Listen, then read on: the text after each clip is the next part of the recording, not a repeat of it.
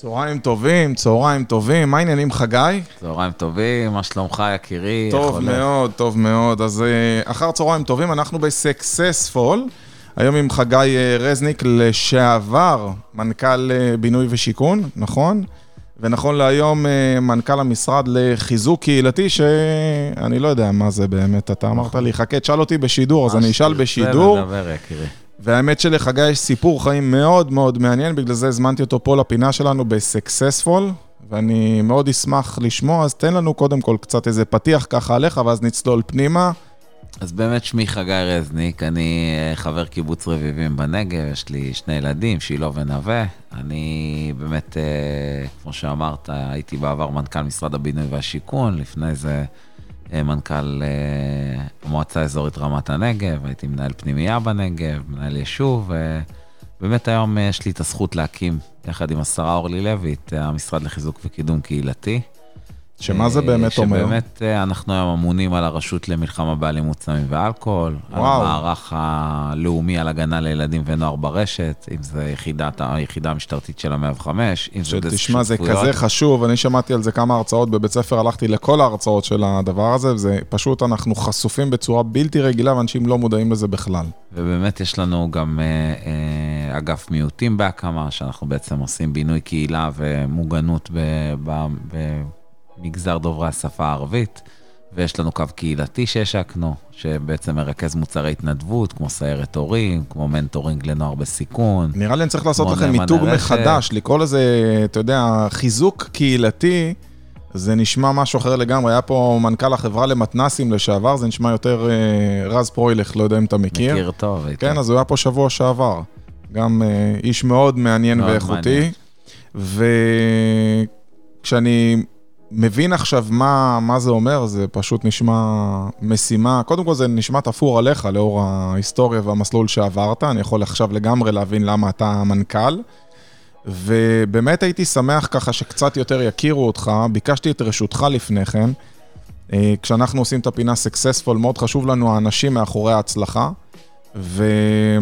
ואתה, אני אתחיל את חייך, אתה ילד שבעצם פונה מבית הוריו בצו בית משפט. נכון. ילד באמת, פנימיות שהתגלגל. אני, אני באמת uh, uh, גדלתי בבית מורכב, בית בסיכון בירושלים, אני צעיר מבין שני אחים. Uh, באמת, uh, האמא לה בעיות נפש קשות ומורכבות, ואבא בדרכו. Uh, גידל אותנו בצורה שהיא מאוד מאוד מורכבת, עם הרבה מאוד הגבלות ווריאנטים שונים של אה, התעמרות, ובאמת היה לי מזל, כי יועצת בית ספר ראתה שאני לא מתקשר, אף פעם לא הייתי ילד מופרע, הייתי לא מתקשר, מגיע, לא מגיע, הפרעות קליניות כאלה ואחרות. נראה שזה נפתר דווקא. ולאט לאט, ובאמת אה, דרך אוכל היא קנתה אותי, דרך אה, מזון, ופעם הייתה מחכה לי עם אה, פרילי גרנולה ושוקולד אמריקאי עם אגוזים, ופעם לקחה אותי לאכול פלאפל או שווארמה, ופעם הסתובבנו, ודרך הדבר הזה נקנה האמון, ובאמת התחלתי, התחילה לדובב אותי, והבינה שמשהו פה לא תקין, ואני לא יודע אם המאזינים שלנו אה, יודעים או לא, אבל כשילד יצא מחזקת הוריו שלא בהסכמתם, אז נדרש צו שופט, והתחיל תהליך של תסקיר. אה, מול אה, לשכת הרווחה, בסוף שופט הוציא אותי, פסק שאני אצא מהבית, והיה ניסיונות השמה שלא לא הצליחו, אבל היה לי מזל גדול, כי בגיל 12 אה, בערך אני נשלחתי לקיבוץ רביבים בנגב.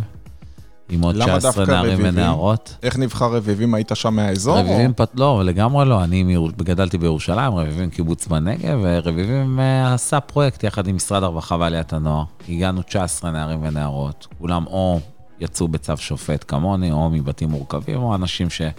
ילדים שהוריהם רצו שיתחנכו בסופו של דבר בקיבוץ, וגם שם, קיבוץ רביבים, אני חייב לו את חיי. אה, ובאמת למדתי שם המון דברים, אבל גם קיבוץ הוא בסוף אה, אה, קהילה קטנה, קהילה שיכולה להיות ביקורתית, ובאמת היחיד שנשאר שם אחרי י"ב מכל ה-20 נערים ונערות הייתי אני. ובאמת כל מספר חודשים, אחד הנערים או הנערות או עזב או הוא עזב. אתה, הפינה שלך פה עוסקת בסקסס או בהצלחה, אבל עוד לפני הצלחה או מצליחנות או הביטויים האלה, רגע, אני רוצה לדבר רגע על, על מסוגלות עצמית או על אהבה עצמית, כי לפעמים כשאתה נמצא במקום כזה, אתה צריך אה, קודם כל לאהוב את עצמך ולחולל עבור עצמך לפני שאתה חולל עבור אנשים אחרים, צריך לא להגזים עם זה, אבל בהחלט צריך לחולל עבור עצמך. ו... אני ברשותך אגע רגע בשלושה מעגלים, שחשוב שהמאזינים uh, ישמעו אותם, ואחרי זה, אם תרצה, נוכל uh, לפתח אותם. אבל בעצם אם אני מסתכל למה בעצם מה-20 נערות ונערים בעצם זכיתי קודם כל ל- ל- להיות משמעותי עבור עצמי, אחרי זה בחיי הבוגרים גם להיות משמעותי עבור ציבור, או, או לחולל משהו חיצוני, אני אגע בשלושה מעגלים. הראשון הוא מה שאני קורא לו תשוקה. בסוף אה, היינו יוצאים פעם ביום חמישי מהקיבוץ לבתים של ההורים, אני לא בקשר עם המשפחה, כולם היו מבתים מורכבים כאלה ואחרים, ונורא אה, רציתי להישאר בבית הילדים שלנו בסופי השבוע, ולא אפשרו לי את הדבר הזה. אמרו לי, תשאר או אצל אחת המשפחות המארחות בקיבוץ, או לחלופין תצא עם אחד החברים, אז פעם, סוף שבוע אחד יצאתי עם אחד החברים, ולא כל כך מצאתי את עצמי. שבועיים אחרי זה יצאתי ל...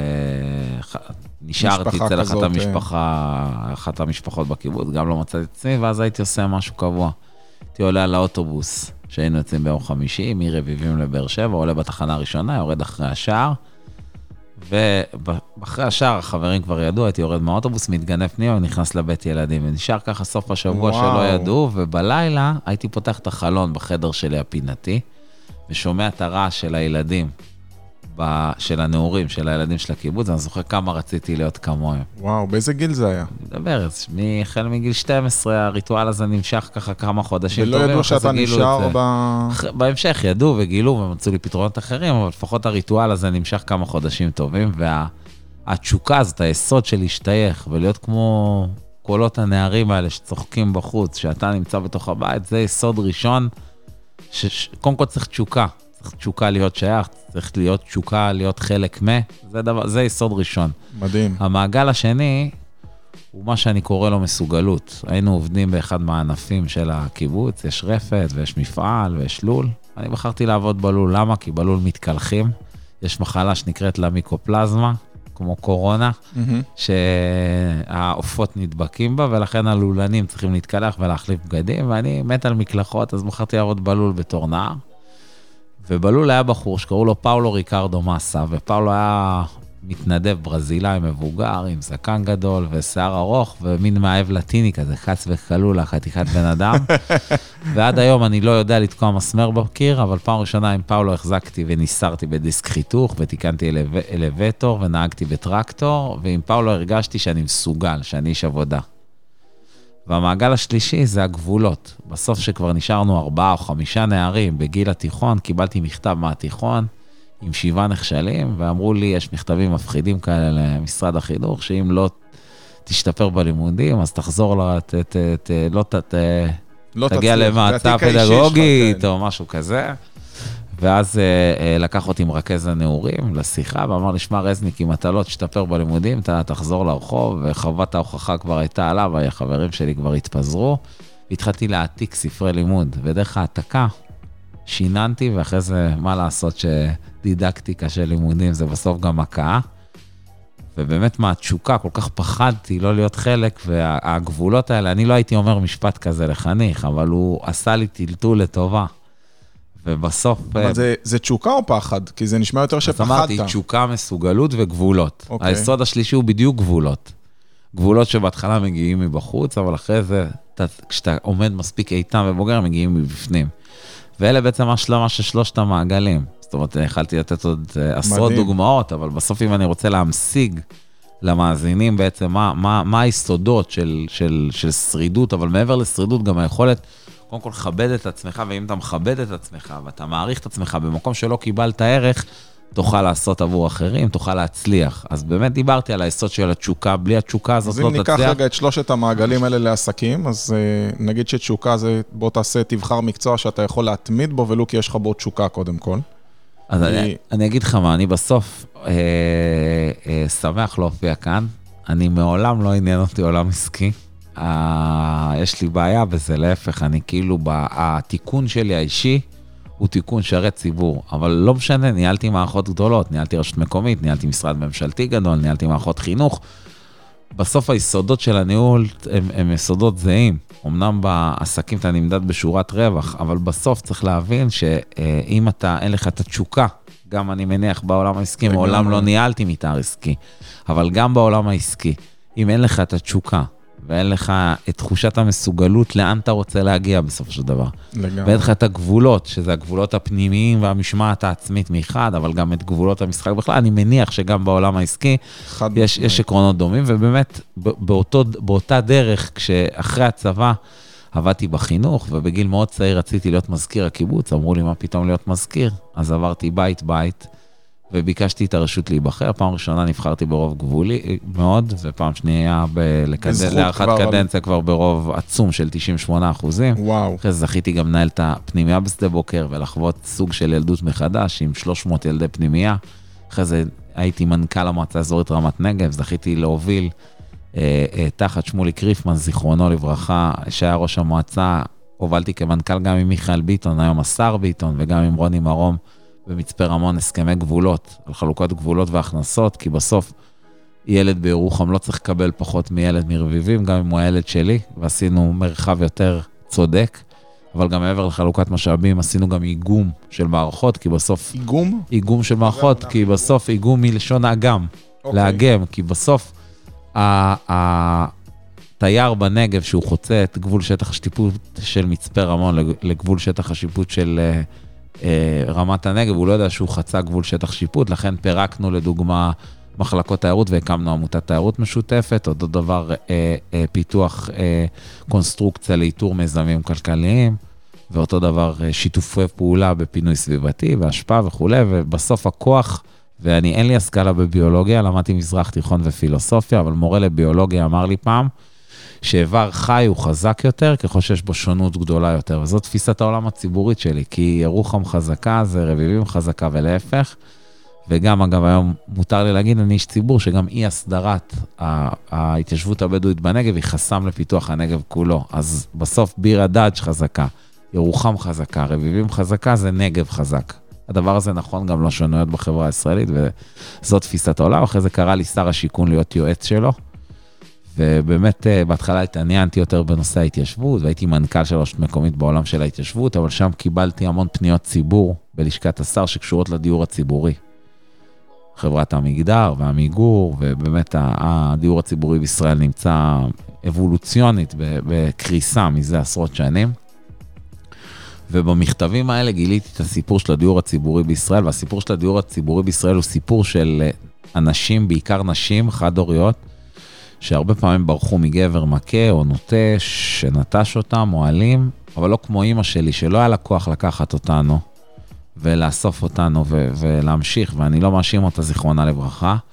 הנשים האלה נלחמות מול מדינה, הרבה פעמים בצדק או שלא בצדק, אבל הן לביאות ונלחמות למען הילדים שלהם, לשמור על המסגרת הזאת. ודרך הדבר הזה ידעתי לייעץ לשר על דברים שקשורים למדיניות, באמת הוא לא הסתדר עם המנכ"ל, והייתה לי הזכות שבאמת השר גלנט מינה אותי כמנכ"ל משרד הבינוי והשיכון, הביא את שמי לממשלה, ותחתיו באמת עשינו דברים אדירים.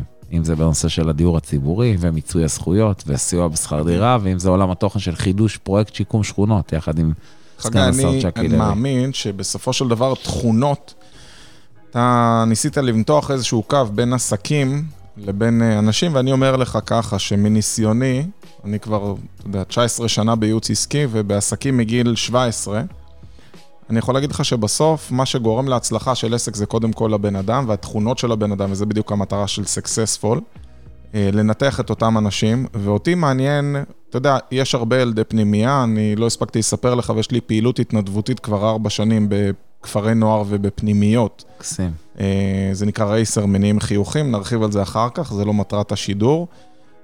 ואני בטוח שיחד איתך אמרת בעצמך שבאו 19 בני נוער, 19 בני נוער, ובאים מלא בני נוער. לא כולם הגיעו לאן שאתה הגעת, ואני רוצה לשאול אותך, מה לדעתך הייתה התכונה, המעשה, השגרת יום, שגרמה לך להיות שונה מאחרים? אז אני אגיד לך, אני אספר לך סיפור בדיוק שהוא אה, אה, מרכזי לעניין הזה. אני מרצה הרבה בהתנדבות. כי אני חושב שבסיפור שלי, אני עד גיל 24 התביישתי בסיפור שלי, בגיל 24 כתבתי רומן ראשון עם קווים אוטוביוגרפיים, ואחרי זה ב-2014 רומן שני, וספר ילדים שעוסק בקווים האלה, ועכשיו אני לקראת פרסום של ספר ילדים שני. ומאז שהתחלתי לכתוב, לא הפסקתי לדבר על הסיפור, כי בסוף אני מאמין שה...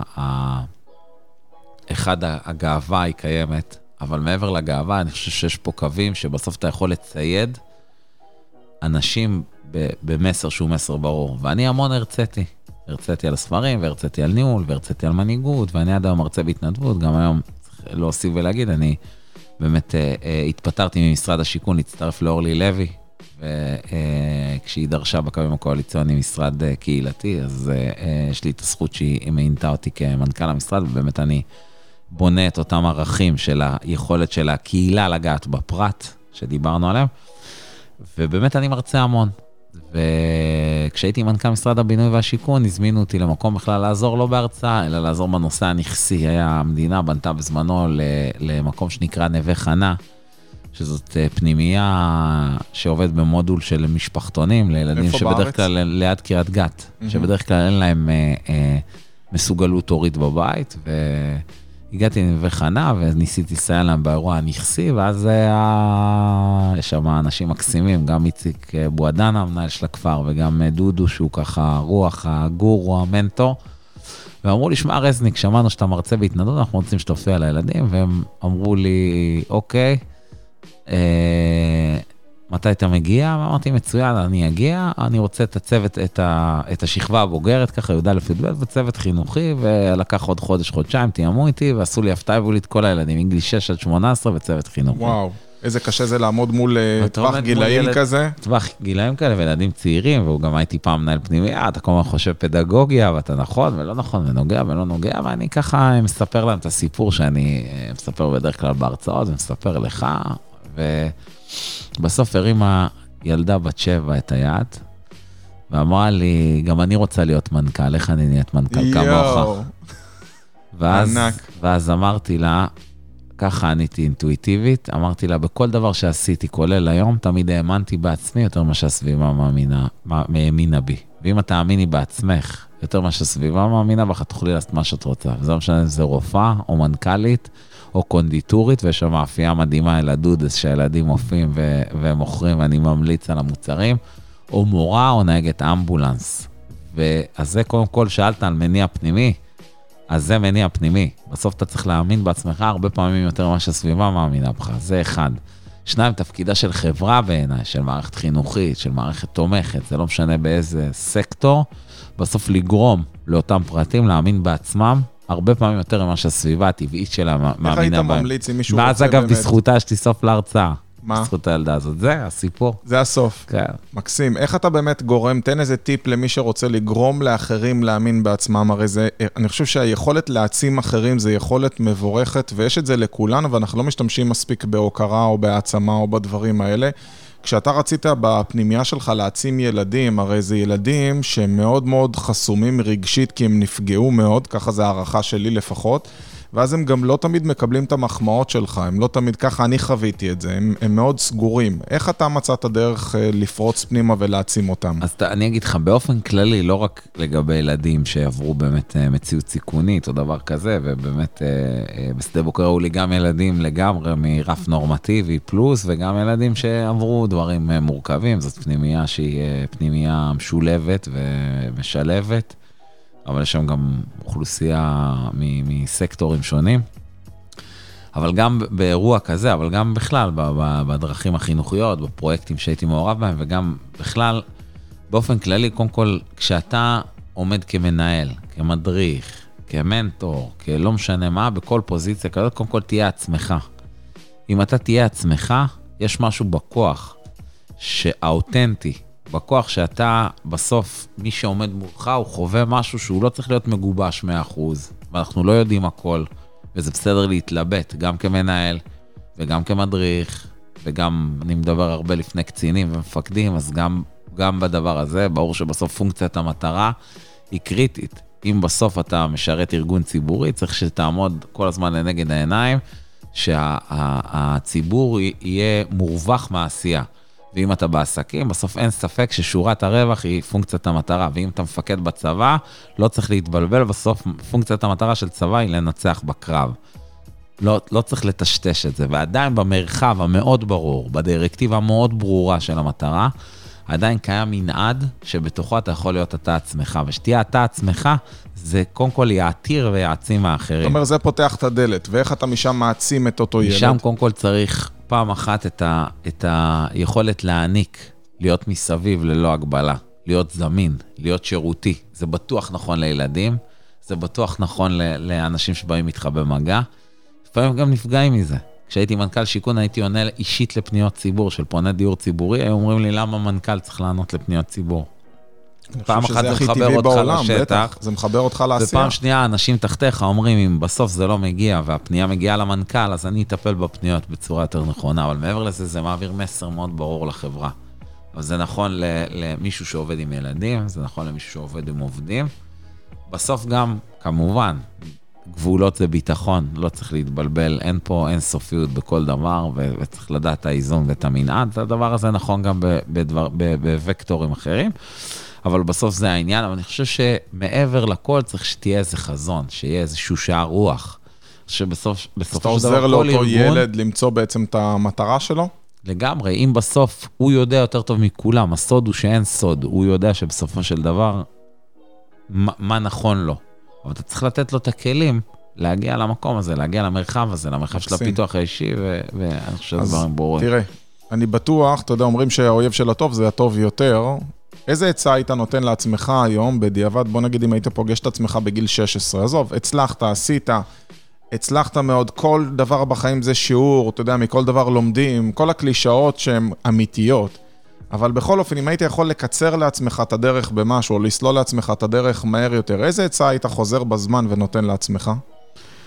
אז אני אומר, קודם כל, אני חושב שהריצה והמסלול שלי להוכיח הוא היה, אני דווקא ממקום הפוך, העצות שלי היום בדיעבד, אתה יודע, בדיעבד רואים ששש, אני חושב שיש גם לפעמים מפספס כשאתה...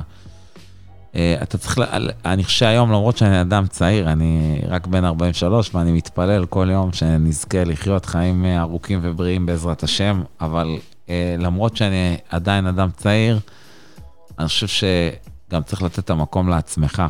זאת אומרת שהדהירה הזאת והשירות האינסופי והשירותיות האינסופית היא חשובה, אבל אני חושב שגם המקום לעצמך הוא מקום חשוב.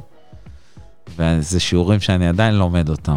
אני אדם שעובד מסביב לשעון ונמצא ב-24 שעות במחויבות ובנתינה ובזמינות. אז איזה טיפ היית נותן לעצמך? מה? קצת איזון זה גם חשוב. זאת אומרת, צריך להבין שכשאתה חזק, כשאתה נמצא מאוזן יותר, זה שיעור שאני עדיין לומד אותו ומנסה ללמוד אותו והוא לא פשוט. אתה יודע, יש, יש גם לזה משקל. ואם אתה שואל אותי, אני חושב שפחות מדי נתתי לעצמי את המרחב. אני עד היום נמצא במרחב נתינה אינסופי, אבל אני חושב שהמקום למשפחה, המקום למנוחה, המקום לקריאה, המקום לספורט הוא דבר מאוד חשוב. אני משלב את הדברים האלה, אני חושב ש... שלדבר הזה צריך להיות משקל, ואני מנסה... מזדהה עם זה לגמרי. ללמד את עצמי את זה היום גם. זה, יש לי היום אמירה שהבן אדם הכי חשוב בחיים זה אני. כי כשאני, או כשאתה נותן לעצמך, אתה יכול לתת לכל הסביבה הרבה יותר טוב. נכון. אני חושב שרוב האנשים קצת שוכחים לתת לעצמם, ועסוקים הרבה בלתת לאחרים. אתה יכול לראות את זה בקלות אצל אה, אימא שנולדים לילדים, ועכשיו היא מקדישה את כל כולה בגידול הילדים, ומזניחה את עצמה ואת הפעילויות שלה ואת הכיף שלה ואת האושר שלה, בסוף מי שסובל מזה זה הילדים. ואתה יכול לראות את זה על בעל עסק, שכל מה שהוא עושה זה משקיע בעסק, אבל בסוף בשביל שיהיה לו פרנסה לדאוג למשפחה, הוא פוגע במשפחה וכן הלאה וכן הלאה. אז הזכרת פה את סדר היום שלך, ואני דווקא מאוד הייתי רוצה לדעת, אני בודק מצליחנים, אתה יודע, מתי הם קמים, מה הפעולה הראשונה שהם עושים בבוקר, כמה שעות הם ישנים בלילה, מתי הם הולכים לישון, עושים ספורט, לא עושים ספורט. תן לנו איזה תקציר, אה, איך נראה יום אה, בחייך. אז אני בדרך כלל קם בחמש וחצי, שש, בקיצה טבעית. אני בדרך כלל יוצא לרוץ בין שלושה לחמישה קילומטר, ריצה איטית, אני לא ספרינטר. אה, אבל גם לא הרבה, אני משתדל כל יום, לפעמים אני מפספס יום, יומיים גג בשבוע, אבל אני משתדל כל יום לרוץ. אני בדרך כלל מתארגן, מתקלח. אה, יוצא לעבודה באזור 8, 9, תלוי, לפעמים אני לוקח גם קצת יותר את הבוקר. מה אתה עושה בזמן הזה? יש איזה פער מאוד גדול, אני מבין מקלחת 10 דקות, ארוחת בוקר לא, עוד אה, רבע אנחנו- שעה. אני בדרך כלל מושך את הבוקר, בדרך כלל בתשע אני כבר בעבודה, סדרי גודל, אה, עד השעות הקטנות של הלילה בדרך כלל. מה זה אומר אה, שעות הקטנות? שעות קטנות, יש ימים שאני יכול לסיים בשמונה בערב, אבל יש ימים גם שאני יכול לסיים באחת או בשתיים, או אם צריך זאת אומרת, גם אצלך בשלוש. מוקדם אתה אומר זה שמונה. שמע, אני משתדל, בדרך כלל כן, יש חריגות כמובן, בואו גם לא נגזים, אתה יודע, לפעמים אתה... אה, זה, אבל כן, אני מאוד מאוד מחויב ומאוד טוטאלי לעבודה, ואתה יודע, היום קצת התרככתי, אבל הייתי אוהב אינבוקס זירו, שכל המשימות נקיות באותו יום, והכל מהיום להיום. היום אני מבין שאיך אמר לי, יש בחור ברביבים, קוראים לו עודד ברזילי, שהוא ממקימי רביבים, מלוחמי הפלמ"ח בחטיבת יפתח, אז הוא היה, מהנדס, הוא היה ראש מועצה, והוא היה מהנדס מועצה. כשאני התמניתי להיות מנכ"ל המועצה, אמר לי, רזניק, העבודה זה לא ארנבת, היא לא תברח. אז אפשר גם ל... אז אם עודד ברזילי כך. אמר, אז אולי אפשר גם חלק מהמשימות לדחות למחר. אתה יותר בן אדם של פגישות אחד על אחד, אתה יותר אה, פגישות של וואטסאפים, יותר אה, בגישה של טלפונים. אני עושה פגישות מאוד מאוד קצרות בדרך כלל. מה זה פגישה קצרה? שמונה דקות. וואלה. אתה מודד או זה דקות. הממוצע? לא, זה הממוצע, אני עושה 18 דקות, אני מבין מהר, צריך לראות שגם אנשים לא נעלבים, שכי בסוף אתה יש מגדיר פה... להם את זה מראש? לא, אבל בדרך כלל זה מבין, אני אומר, שאני אני אומר בצחוק, אתה יודע, משתדל להיות חינני ולא אסרטיבי מדי, אבל להגיד שבדרך כלל אם עושים סבב היכרות זה אתה יודע שמונה ש- דקות בלי זה זה שבע, גם אם זה רבע שעה נגמר, אנחנו בסדר. בדרך כלל, צריך להבין, זה גם תלוי, אם יש פגישות שיש להן ממד רגשי או ממד של עומק, מאוד מאוד חשוב אה, להשקיע ולתת כל הזמן, ואפילו גם בלי מגבלה אם צריך. מצד שני, ישיבות שהן אופרטיביות, צריך לקבל עליהן החלטות מהר. בדרך כלל, אתה יודע, הנטייה של פגישה היא להתמזמז ולדבר על זה, ובסוף צריך להבין את המהות הוא ה- את ה action item. זאת אומרת, ניהול בסוף זה ההפרדה של עיקר וטפל, אחד. שתיים, בסוף יציקה או, או זיקוק של הנקודות שאותן צריך לבצע, והדבר השלישי זה פולו, מעקב, אחראי ומעקב. לגמרי. אם תשמור על כל הרצף הזה, בסוף הדברים יקרו. מדהים. אני שמעתי על איזשהו אה, מנכ"ל שהוא מחזיק שעון חול, ממש הוא לוקח, זה מאוד מלחיץ. הוא לא, מתחיל איתך לא את הפגישה, יש לו. שעון חול של 10 דקות, הוא הופך, הוא אומר, עד לא- שהחול ייגמר, אה, יש לנו את לזה לא כל הגענו, הזמן. כן, זה קצת מג- מגדיר לבן אדם איפה הוא בשיחה, כי לא לכולם יש את מימד הזמן כמו שצריך, אבל אני חושב, אחלה טיפ נתת פה, פגישות שמונה דקות, אתה אומר להם, והדרך שלך להגניב את זה, אז אתה אומר להם, אם הצגה עצמית זה שמונה, אם לא, נוכל לגמור את זה בשבע, סטארט. אתה יודע, לא באמת לוקחים זמן, וגם אם לקח כן, חצי בסדר. שעה אנחנו זורמים, אבל כן, זה מכניס את האווירה. לגמרי. קניתי. תגיד לי, מי הדמות שהכי השפיעה עליך? יש הרבה, רבים. אני בטוח, תן דוגמה למישהו אני שאתה אומר, יכול... אני אה, חושב שסיפרתי על פאולו ריקרדו מסה. פאולו ריקרדו מסה היה אותו מתנדב ברזילאי עם שיער ארוך, עם אף מחודד, היה האיש הכי מרשים, הכי כריזמטי, הכי גדול, הכי חזק שפגשתי. פגשתי בו בתור ילד בחקלאות, חס וחלולה, חתיכת בן אדם, את כזאת יפה הבוקר, ובאמת, פאולו גרם לי, כמו שאמרתי, אני עד היום לא יודע ממש לתקוע מסמר בקיר, אבל פאולו גרם לי להרגיש שאני... אה, אה, איש עבודה, ואיך הוא אמר לי? אמר לי, רזניק, אתה תצליח אם אתה אה, תהיה איש עבודה. כי כשאתה תהיה איש עבודה, אז אנשים בסוף אתה תייצר ערך, ואנשים ירצו להיות איתך. אני חושב שהוא לא מבין עד היום כמה המשפט הזה. השפיע עליי. אגב, אותו פאולו באיזשהו שלב נעלם, ספרי השני רודריגז עוסק בחיפוש אחריו, הוא היום חי בחווה, בג'ונגלים בברזיל, ליד פורטו אלגרה, אנחנו נמצאים ב... בקשר. והצלחת לאתר אותו? כן, אני אפילו אשמיע למאזינים. יאללה, נו. אשמיע לך ככה, אנחנו בקשר בוואטסאפ, בטלפון לווייני. איזה קטעים. כן, אני אשמיע לך, כל הכבוד ששמרת איתו על קשר. זה כיף לעשות סגירות מעגל כאלה. אשמיע לכם אותו. בוקר טוב, חמוד שלי. רגע, לא שומעים, נשמיע שוב.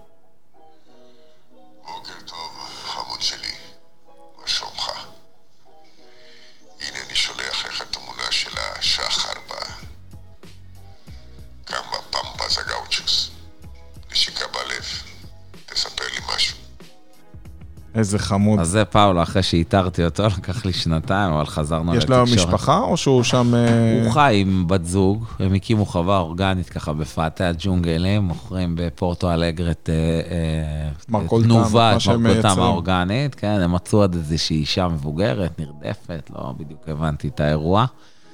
ויום אחד, אחרי הקורונה, אולי ניסע לג'ונגל, לבלות. איתו איזה שבוע.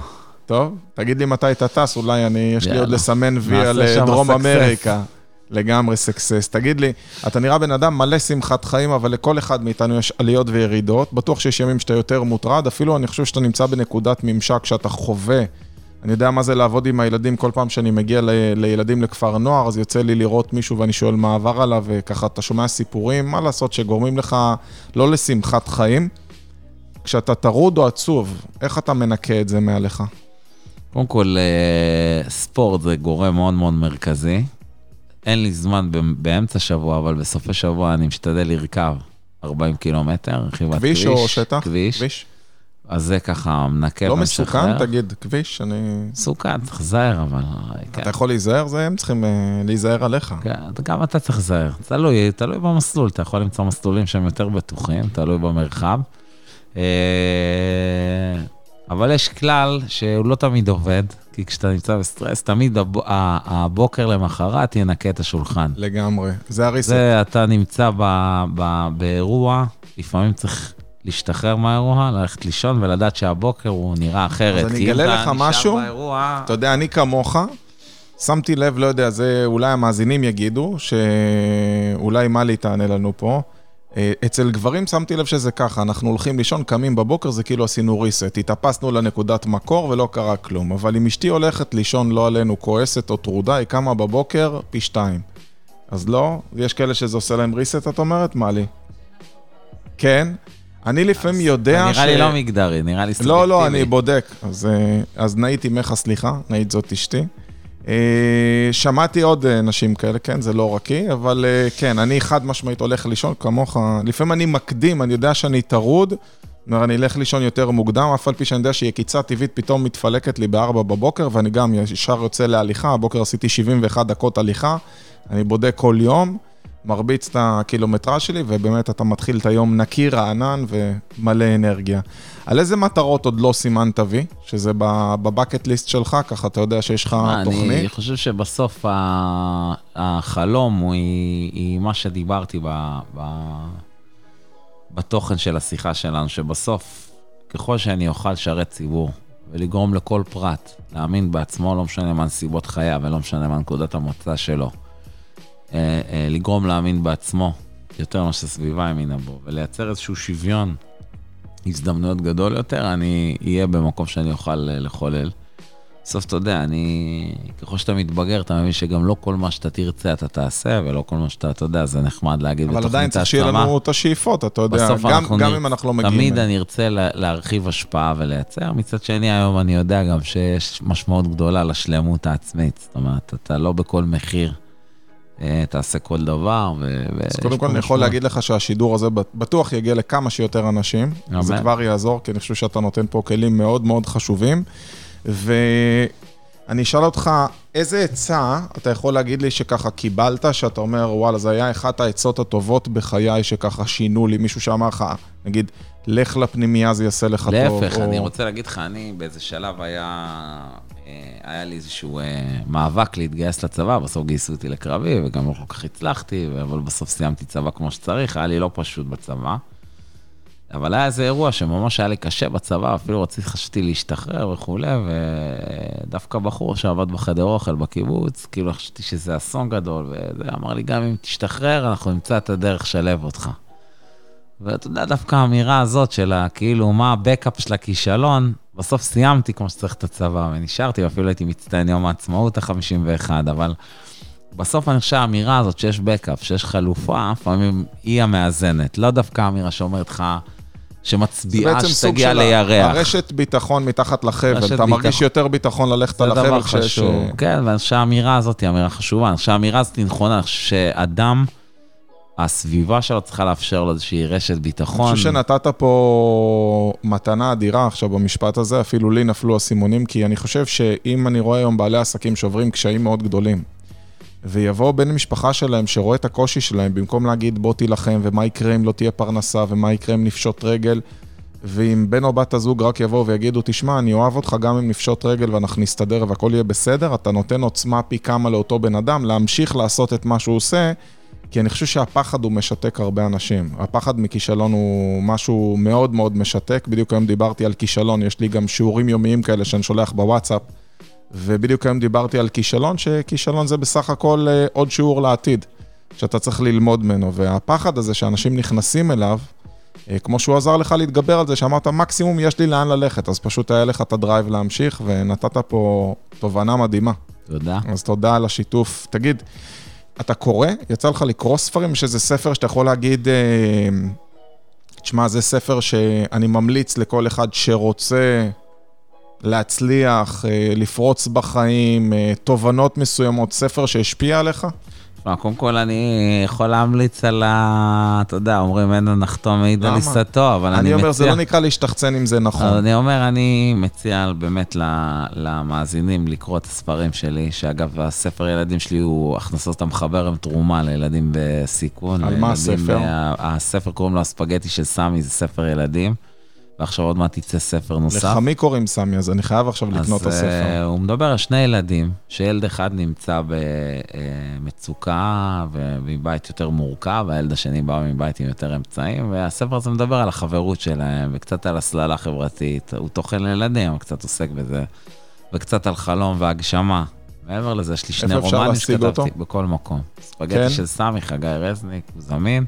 בקרוב יהיה ספר ילדים נוסף, הוא כבר בתנור. אפשר אז לדעת כבר על מה הספר החדש? זה עוד... אה, זה עוד סוד? זה עוד סוד, נשמור לשידור הבא. לשידור הבא. באיזה אפליקציה אתה הכי משתמש בטלפון חוץ מוואטסאפ? יש איזה משהו מיוחד שאתה אומר, בואנה זה עזר לי. מאוד. אה, פייסבוק, ספוטיפיי, אה, בהכל אני אז משתמש. דרך אגב, מי שלא יודע, השידורים האלה יעלו גם בספוטיפיי. מי שצופה בנו, יש לנו ערוצים בספוטיפיי, Successful, או פשוט חפשו ייעוץ עסקי, אנחנו מופיעים שם, תוכלו לשמוע גם את השידור עם חגי. ויש איזו קנייה מוצלחת שעשית, מוצר שמשרת אותך ממש טוב. אה, לא חייב להיות משהו שעלה הרבה כסף, זה יכול להיות, לא יודע, מצידי כפכפים שאתה מאוד אוהב, אתה לא נפרד מהם, אתה קונה כל פעם את אותו סוג, או מישהו סיפר לי אתמול על אה, גרביים עם גוף חימום, שהוא קנה לעצמו לחורף, והוא פשוט מאושר מהם חבל על הזמן. יש לך איזה משהו כזה שאתה אומר, וואלה, קנייה מומלצת? להפך, הדברים שאני לא קונה, הם הכי, אני הכי מבסוט עליהם. זאת אומרת, הדברים שלא קניתי לאחרונה, בגדים, אני בדרך כלל, אה, היום עוד השקעתי, שמתי ג'יז וחולצה מכופתרת, אבל בדרך כלל אני שם יחס בגדים. אני אוהב את הבגדים הנוחים שלי, הקצת רפואיים, המיושנים, תן לנו, זה עושה אותנו טוב. אתה יודע, היה תקופות שככה הרגשתי שחייב להתלבש יותר מהודר ויותר מהודק. והרגשתי ככה שזה לא אני, אני בתחפושת, אז דווקא גם לפעמים קצת הרושם. הראשוני נפגע. וזה לא פוגע? זה- זה לא פוגע, מישהו מסתכל כל- עליך, אומר, מה זה, זה יש לפעמים לו. כן, זה- מינוי פוליטי, זה לא בן אדם עם קודם כל ערך. לפעמים כן, אבל אני באמת אה, זכיתי לעבוד תחת אה, אנשים אה, מדהימים, גם אה, שמוליק ריפמן, זיכרונו לברכה, גם השר גלנט, גם השרה לוי אבוקסיס. וכשהיו אומרים לגלנט כשר, אה, תראה איך המנכ"ל שלך מתלבש, אמר לו שתעבוד כמו רזניק, תתלבש גם ככה. זאת אומרת, אני- הוא יכול להרשות לעצמו. אז אה, אתה יודע מה, אז אם קיבלתי כזאת מחמאה משר החינוך, אז אנחנו יכולים להרשות לעצמנו לזה, אבל כן, לא צריך לזלזל חלילה ולא קרוע ולא מרופט, אבל אתה יודע, בסוף קוד לבוש הוא נחמד וטוב, אבל אדם צריך להיות הוא. הטיפ הזה הוא נכון למראה, הוא נכון על אחת כמה וכמה להתנהגות. כשאתה מנסה להיות לא אתה, אז זה מייצר מנעד של פגיעה, קודם כל בעצמך, אבל ככל שאתה לא תהיה שלם, וזה חוזר לכל השיחה שלנו, אתה גם. תייצר דברים אחרים. לקראת סיום, איך אתה מגדיר הצלחה? שמע, אני אגיד לך, קודם כל הנושא של מצוינות, או, או הגדלת התשואה, או כל הדברים קודם כל זה דבר חשוב, אני לא יכול לזלזל בו. בסוף אמרתי, לא צריך לפונקציית המטרה, אני חושב שגם ה... ככל שאתה מתבגר, יש איזושהי בגרות אישית, שאומרת, ההצלחה היא בסופו של דבר לעשות דברים שאתה שלם איתם, ואתה מרגיש משמעותי. כל בן אדם מהיום שהוא, שהוא נולד עד היום שהוא מת, הוא צריך תשומת לב, כולנו, אהבה ומשמעות. אז תשומת לב ואהבה אנחנו מקבלים מסביבה חיצונית. משמעות היא, היא בחירה פנימית. דעתי, אם נבחר בחירות שיצרו לנו הוויה משמעותית, דעתי הצלחנו, וזה המדד להצלחה. מדהים. חגי, אני מודה לך מאוד, זה היה, אני חושב, שידור שצריך לראות אותו בלופ כמה פעמים בשביל להבין את כמות המסרים. האיכותיים שנתת לנו, זה היה. פשוט מדהים. ואתה בהחלט מביא את הבשורה של אה, ההגשמה העצמית שלך, שזה לעזור לכמה שיותר אנשים, כי אני חושב שהשידור הזה זה אחד השידורים עם יותר ערך שתורמים למי שיקשיב להם שוב ושוב, ובאמת חוכמה אחרי זה לראות איך ליישם את זה. אז תודה רבה תודה שבאת לסקסספול, ואנחנו פה. ונשתמע. תודה, שמחתי.